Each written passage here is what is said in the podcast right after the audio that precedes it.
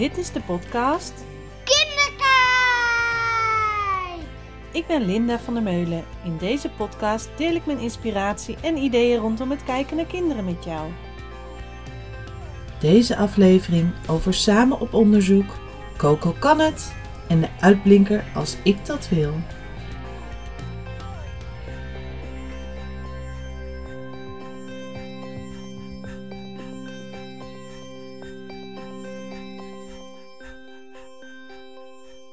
Wat ontzettend leuk dat je weer luistert naar deze allernieuwste podcastaflevering van Kinderkijk de podcast.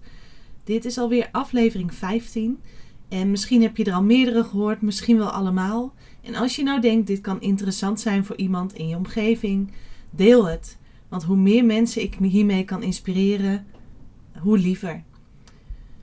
In deze aflevering wil ik met jullie delen hoe je op onderzoek kan gaan samen met kinderen. En ik hoor heel veel om me heen dat het heel zwaar is, het thuisonderwijs. En dat het zo lastig is alle ballen hoog te houden. En natuurlijk heb ik dat ook. Ik kreeg ook terug, ja, het lijkt bij jou allemaal zo makkelijk te gaan. En dat is ook echt niet zo. Vorige week zat ik er helemaal doorheen. En toen had ik zoiets, moet ik hier nou een podcastaflevering over opnemen? Over hoe zwaar het is en hoe moeilijk het is. Maar waar ik me vooral op wil focussen, is de dingen die wel goed gaan.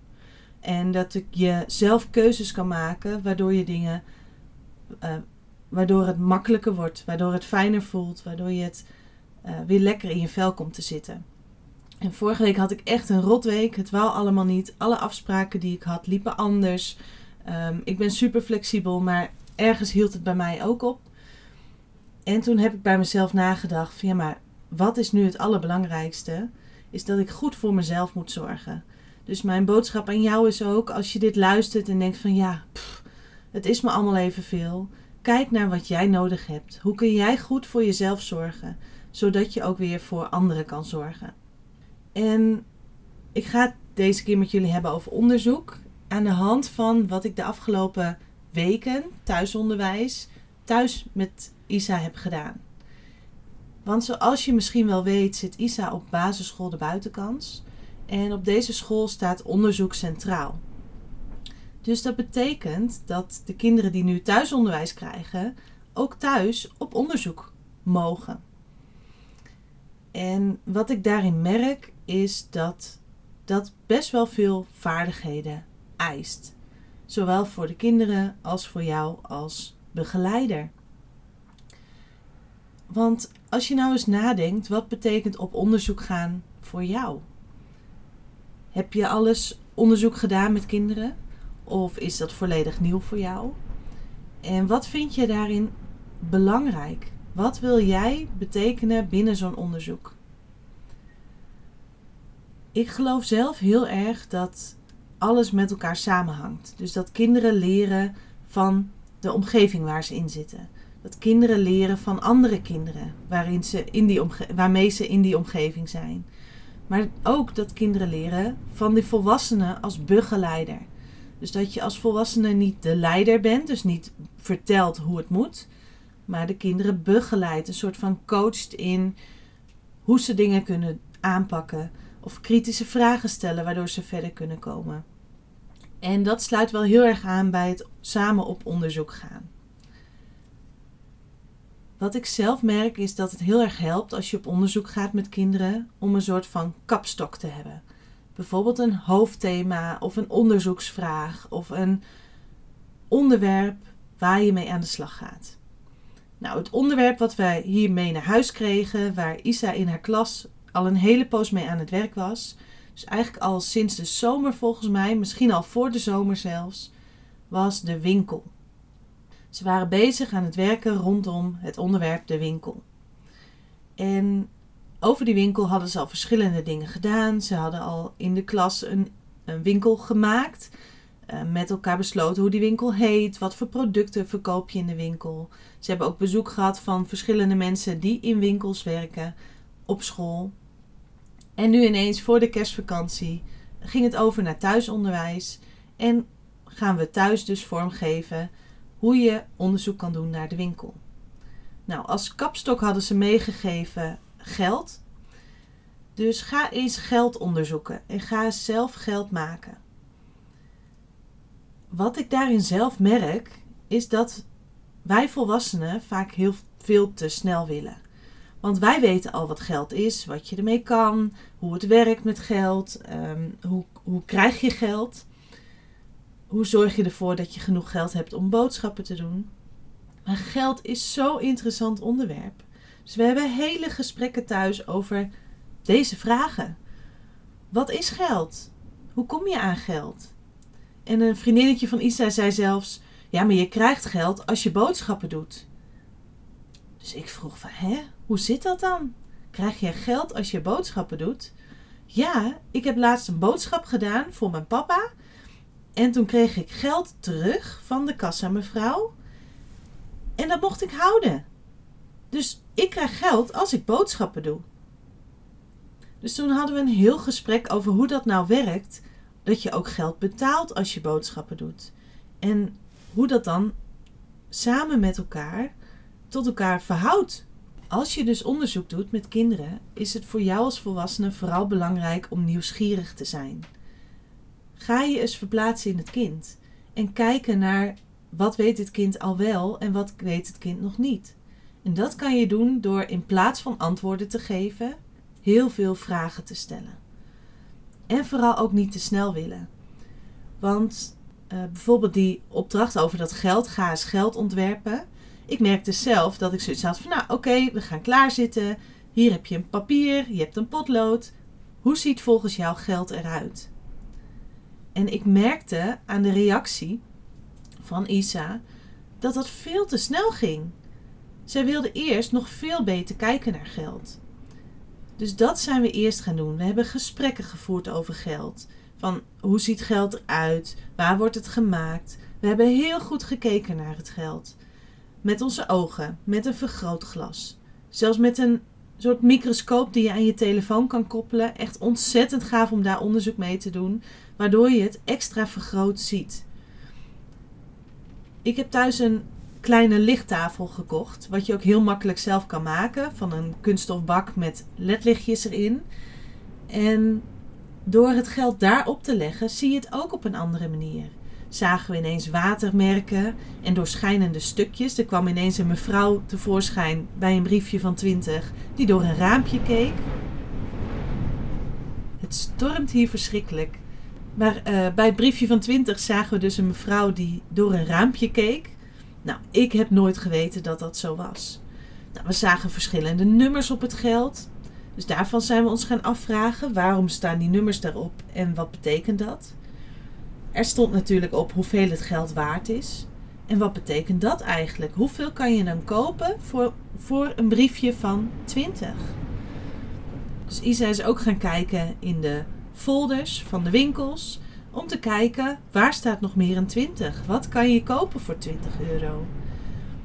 En nu ik dit zo achter elkaar zeg, lijkt dit net een proces van een half uurtje. Maar dit is een proces waar we al twee weken mee bezig zijn. En natuurlijk niet de hele dag door, maar elke keer komt er weer iets van dat geld terug. En die opdracht van dat eigen geld ontwerpen, dat zorgt ervoor dat je heel goed moet kijken naar hoe zit dat dan in elkaar. Wat is volgens jou geld? En hoeveel moet dat geld dan waard zijn? En wat zit er in een geldbriefje wat jij graag wil onderzoeken? En wat Isa fascinerend vond, zijn die watermerken die in het geld zitten. Dus ze heeft al geprobeerd, had ze zelf bedacht, om tussen twee papiertjes, twee papiertjes op elkaar plakken en een tekeningetje in het midden maken, om dan te kijken als je het tegen het licht houdt, hoe dat er dan uitziet. Wat ze ook heeft gedaan, en dat is een techniek die ze een keer op de kinderopvang uh, geleerd heeft, en ze is inmiddels zes, dus dat is al een hele poos geleden. Ze kwam op een gegeven moment, mama, als we olie op een papier doen, dan schijnt het ook een beetje door. Dus zij proberen met allerlei verschillende stiften, potloden, wasco op een papier, olie eroverheen om te kijken wat schijnt dan het mooiste door. Hoe krijg ik het mooiste watermerk? Door het geld te onderzoeken zagen we ook dat er verschillende zilverkleurige accenten op het geld kwamen. Hoe krijg ik dat dan op het geld wat ik wil maken? Want door heel goed te kijken wilden ze ook dat geld wel zo lijkend maken dat het net echt geld zou lijken. Dus ze heeft heel veel verschillende technieken uitgeprobeerd, dankzij het goed kijken naar dat geld. Zowel cognitief, dus daar kijken naar cijfers, kijken naar letters, wat staat er eigenlijk allemaal op geld. We ontdekten dat er een handtekening op staat, dat er de verschillende afbeeldingen op staan. Dat een briefje van 20 bijvoorbeeld een beetje zorgelijk kijkt, de mevrouw die erop staat. En een briefje van 10 die kijkt wel heel lief, volgens Isa. Dus eigenlijk brengt één zo'n heel klein stukje bij ons thuis al een onderzoek van twee weken met zich mee. En we zijn nog niet klaar, want we hebben nu het ontwerp van het geld liggen. Maar nu gaan we nog het definitieve resultaat maken.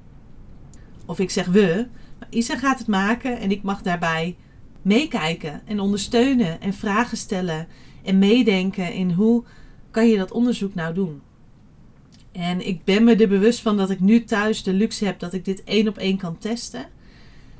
Maar ik weet ook door mijn werk in de kinderopvang, door mijn ondersteuning in het onderwijs in de school waar Isa op zit, dus de buitenkans, dat dit echt kan. Ook met een groep kinderen. En hoe jonger je kinderen dit leert, dus als je al vanaf baby af aan begint met deze manier van onderzoeken, hoe gaver die onderzoeken worden. Maar het vraagt vooral voor jou als volwassene goed kijken, goed luisteren, kritische vragen stellen, maar vooral zelf nieuwsgierig zijn. En ook kinderen leren om uitdagingen aan te gaan. Want ik had van de week ook een heel mooi gesprek met iemand die zei ook: ja, maar soms moeten kinderen toch ook wel iets. Ze moeten ergens toch ook leren lezen, leren schrijven, uh, begrijpen wat ze met getallen kunnen, dus leren rekenen. En natuurlijk vind ik ook dat kinderen dat mogen leren. Alleen ik vertrouw er ook heel erg op dat als je kinderen uitdaagt, dat ze ook zelf die intrinsieke motivatie krijgen om te willen leren. Dus dat dat leren niet gebeurt omdat je toevallig in groep 3 zit en dan moet gaan leren lezen. Maar door kinderen uit te dagen, dus bijvoorbeeld door dat geld te onderzoeken, kwamen we bepaalde getallen tegen. Kwamen we bepaalde letters tegen. Ja, hoe kun je nou onderzoeken wat die letters betekenen? Nou, dat kan je alleen als je kan lezen. En wat die getallen betekenen, kan je ook alleen als je die getallen kan herkennen en kan vergelijken. Het ene biljet met het andere, wat zijn de verschillen in die getallen? Dus ik geloof heel erg in dat kinderen daarin zelf op onderzoek mogen gaan. Maar dat jij wel als volwassene, als begeleider daarin mag ondersteunen en mag sturen. Dat kinderen wel mogen leren uitdagingen aangaan, maar ook een spanningsboog opbouwen en concentratie vasthouden. Want ik merk zelf ook, er zijn heel veel dingen te doen. Wij hebben elke dag een heel to-do-lijstje. En wat we vooral te leren hebben, is uitdagingen aangaan, maar vooral ook de tijd nemen voor dingen. Alles is onderzoek. Alles is onderdeel van het proces. En vooral zorgen maken als een kind heel veel aandacht aan iets besteedt, maar niet verder komt. Dus geen zorgen maken als een kind lekker bezig is en in het proces zit. Dus dat je ziet dat een kind aan het leren is. En wat ik daar heel mooi bij vond aansluiten, en eigenlijk komt dat heel toevallig in deze week, um, want het is van deze week Nationale Voorleesweek. En het boek van deze Nationale Voorleesweek van 2021 is het boek Coco kan het. En dat boek gaat over een vogeltje. En dat vogeltje woont bij zijn moeder in het nest. En op een gegeven moment zegt zijn moeder: van, Nou, het is wel tijd om uit te gaan vliegen. En Coco die gluurt dus naar beneden en die denkt: van nee, dat is veel te hoog. Straks val ik, ik kan dat echt niet. En hij ziet wel zijn vrienden, zijn andere vogels, ziet hij allemaal vliegen.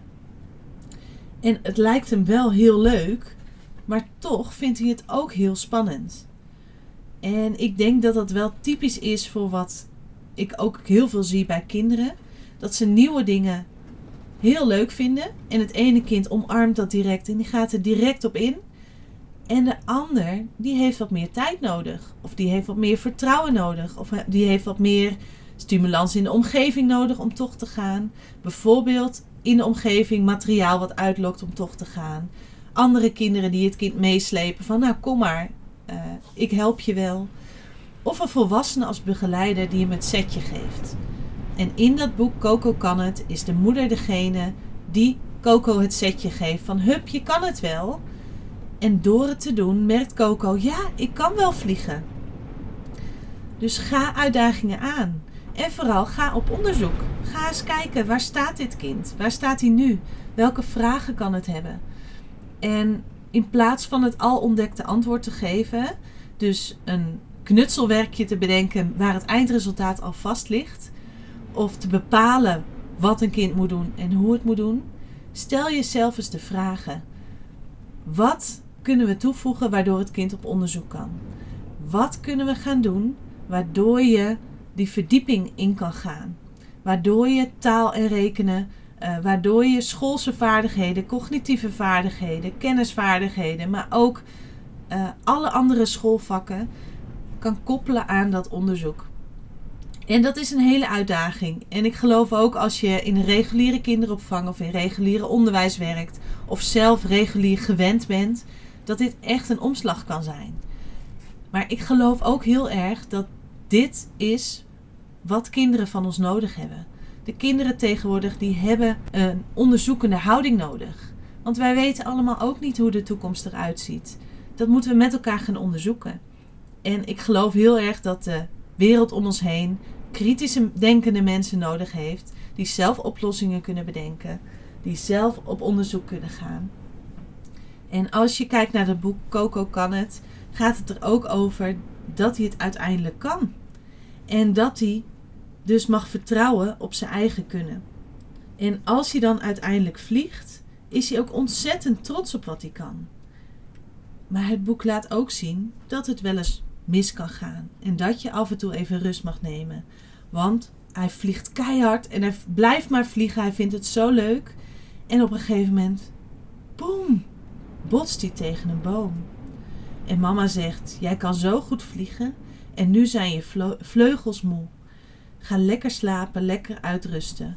En morgen is er weer een dag. En daar geloof ik ook heel erg in. Als het even niet lukt, ga niet aan de kinderen trekken. Heb het vertrouwen dat het komt. En ga je pas zorgen maken als je ziet dat een kind heel hard ergens aan werkt en het lukt niet. Ga dan kijken hoe kan ik dit kind ondersteunen. En het talent, wat ik daar heel mooi bij vind passen, en wat ik ook heel erg herken bij een aantal mensen in mijn omgeving, is de uitblinker als ik dat wil. Wat de naam eigenlijk al zegt, de uitblinker als ik dat wil, geeft aan dat diegene kan uitblinken, heel veel talenten heeft en heel veel dingen kan. En het pas doet als hij zelf gemotiveerd is. Dus dat hij als iets hem interesseert, als hij iets belangrijk vindt, dat dan het geweldig wordt. Dus dat de uitblinker als ik dat wil, dan streeft naar excellentie. Dan moet het ook echt fantastisch worden. Maar wat de keerzijde is, is dat wat die uitblinker als ik dat wil niet interesseert of niet belangrijk vindt, laten ze liever links liggen. Als ze het nut ergens niet van inzien, dan gaan ze liever andere dingen doen. Bijvoorbeeld in het nemen van beslissingen willen ze heel graag meegenomen worden. En niet omdat ze graag daarin macht willen, maar ze willen wel invloed hebben op de beslissingen. Dus taken krijgen waar ze zelf achter staan. En dat klinkt misschien heel egoïstisch. Van ja, maar je moet toch soms ook dingen doen omdat ze moeten. Maar ik geloof zelf ook heel erg dat die uitblinker als ik dat wil, dat niet doet uit onmacht. Of dat niet doet omdat het per se wil doen wat hij wil doen. Die uitblinker als ik dat wil, wil heel graag iets bijdragen wat zin heeft en zinvol is. En het hekel hebben aan het woord moeten, dus als iemand anders jou iets oplegt, dat is wel echt een kenmerk van dit talent. En ik zei net, ik herken het wel bij meerdere mensen in mijn omgeving. Onder andere mijn man en dochter. En dat is soms super frustrerend als je daarnaast staat. Want dan heb ik zoiets van, nou, doe nou even. Werk gewoon even lekker mee en doe maar gewoon. Maar ik merk bij beide, als ze het nut ergens niet van inzien, dan vertikken ze het gewoon om iets te doen. En dat is zo'n talent, want het is zo'n kracht. Weten wat je wil, ergens voor staan en het alleen doen als je erachter staat. En wat bij die mensen vooral belangrijk is, is ga eens kijken naar wat is hun passie, wat is hun hobby, wat willen ze bijdragen aan de maatschappij. En vooral ook bij kinderen, wat zijn dingen die ze wel interesseren, wat ze wel willen. En om even terug te gaan naar het stukje thuisonderwijs. Ik merk dat als ik het een, samen met Isa een lijstje maak van goh, dit zijn de dingen vanuit school bijvoorbeeld die je mag gaan doen. Ze heeft ook wel een leren lezen boek en ze heeft wel een aantal dingen nou, waarbij ze toch het gevoel heeft van moeten, dat ze dan volledig in de weerstand gaat. Volledig flipt. Isa is volgens mij een echte uitblinker als ik dat wil. Alleen als ze het nut ergens van ziet, dan gaat ze er volledig voor. Kan ze zich ook helemaal verliezen. Kan ze uren met een onderzoek bezig zijn. Of met een taalboek wat ze heel graag wil lezen. Maar dan alleen over een onderwerp waar zij in geïnteresseerd is. En natuurlijk heb ik soms dan als moeder of, en ook als pedagoog wel zoiets van, nou, soms moeten dingen nou eenmaal. En als ik me dan afvraag, ja, van wie moet dat dan? Dan weet ik soms het antwoord ook niet. Die vraag krijg ik nam, namelijk heel vaak. Waarom moet ik dit dan leren? Van wie moet ik dan elke dag kleren aan? Waarom mag ik niet gewoon lekker elke dag in mijn prinsessenjurk of in mijn onesie? En dat zijn vragen waar ik het antwoord ook niet op heb. Ja, van wie moet dat? Ja, ik wil graag dat je er verzorgd uitziet. Omdat ik het fijn vind, zelf fijn vind, als ik de dag begin, dat ik fijne kleren aan heb, dat ik lekker aan de slag kan. En dan krijg ik dus als reactie terug: ja, maar ik voel me fijn in deze kleren. En dat is soms echt wel heel lastig. Zoals ik net al zei, die uitblinker als ik dat wil, is een talent. Dus als die mensen in hun kracht staan, als ze hun passie volgen, dan blinken ze uit.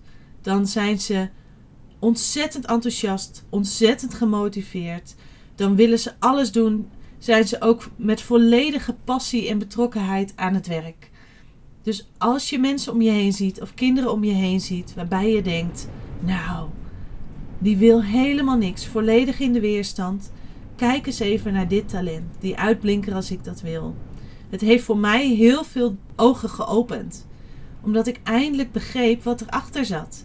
En door te kijken naar wat interesseert je, dus dat stukje hobby, dat stukje passie, dat stukje interesse van hoe krijg ik jou wel gemotiveerd om iets te doen, krijg je er veel meer uit dan uit het moeten, pushen, uh, hangen en wurgen om toch een opdracht gedaan te krijgen. Want ik merk bijvoorbeeld met lezen dat als een tekst Isa echt interesseert, dat ze zonder moeite die tekst leest. Maar als we met lezen aan de slag gaan om alleen maar in te oefenen van het lezen, dat ze het verschrikkelijk vindt. Het vraagt als begeleider soms ook wel aan jou als begeleider heel veel motivatiekracht. Of kunnen onderbouwen waarom de dingen zijn zoals ze zijn. Maar zie het ook vooral als kracht. En ga vooral samen met de kinderen op onderzoek. Kijk naar de talenten van de kinderen. Dus wat voor talent heb ik voor me? Nou, in iedere podcastaflevering noem ik dus één van de talenten. En er liggen nog heel wat op de stapel. Dus de komende podcastafleveringen ga ik daar lekker mee door. Dus kijk eens naar die talenten. Hoe ziet dat eruit bij het kind? En vooral ook welk laatste setje, net als Coco in het boek Coco kan het, Welk setje heeft het kind nodig om toch tot leren te komen? Of om toch bij een activiteit te komen? Want hoe spannend het soms ook is en hoe enthousiast ze soms ook zijn, ik geloof wel dat die kinderen leren van elkaar, van de omgeving en ook van die volwassenen als begeleider. Dus die coachende rol, en dat is een uitdaging aan ons, aan jou als je deze podcast luistert denk dat dat ook een goede uitdaging is voor de komende tijd. Als je deze podcast hebt geluisterd, ga daar eens mee aan de slag. En ik ben ook heel benieuwd, waar loop je dan tegenaan? Wat zijn dingen waar je dan meer over zou willen weten? In het samen op onderzoek gaan. Want dat kan ik dan ook gebruiken in een volgende podcastaflevering, waar ik dan even bij stil kan staan. Voor nu wens ik je een hele fijne dag vandaag. Wees nieuwsgierig, ga op onderzoek samen met de kinderen. En dan hoop ik je weer in een volgende podcast te ontmoeten. Fijne dag! Bedankt voor het luisteren van deze podcast. Wil je geen aflevering missen? Abonneer je op deze podcast. Heb je vragen of ideeën voor een volgende keer? Laat het mij weten via www.kinderkijk.com of Kinderkijk op Facebook of Instagram. Denk je dat deze podcast interessant is voor anderen? Laat een review achter of deel hem. Doeg!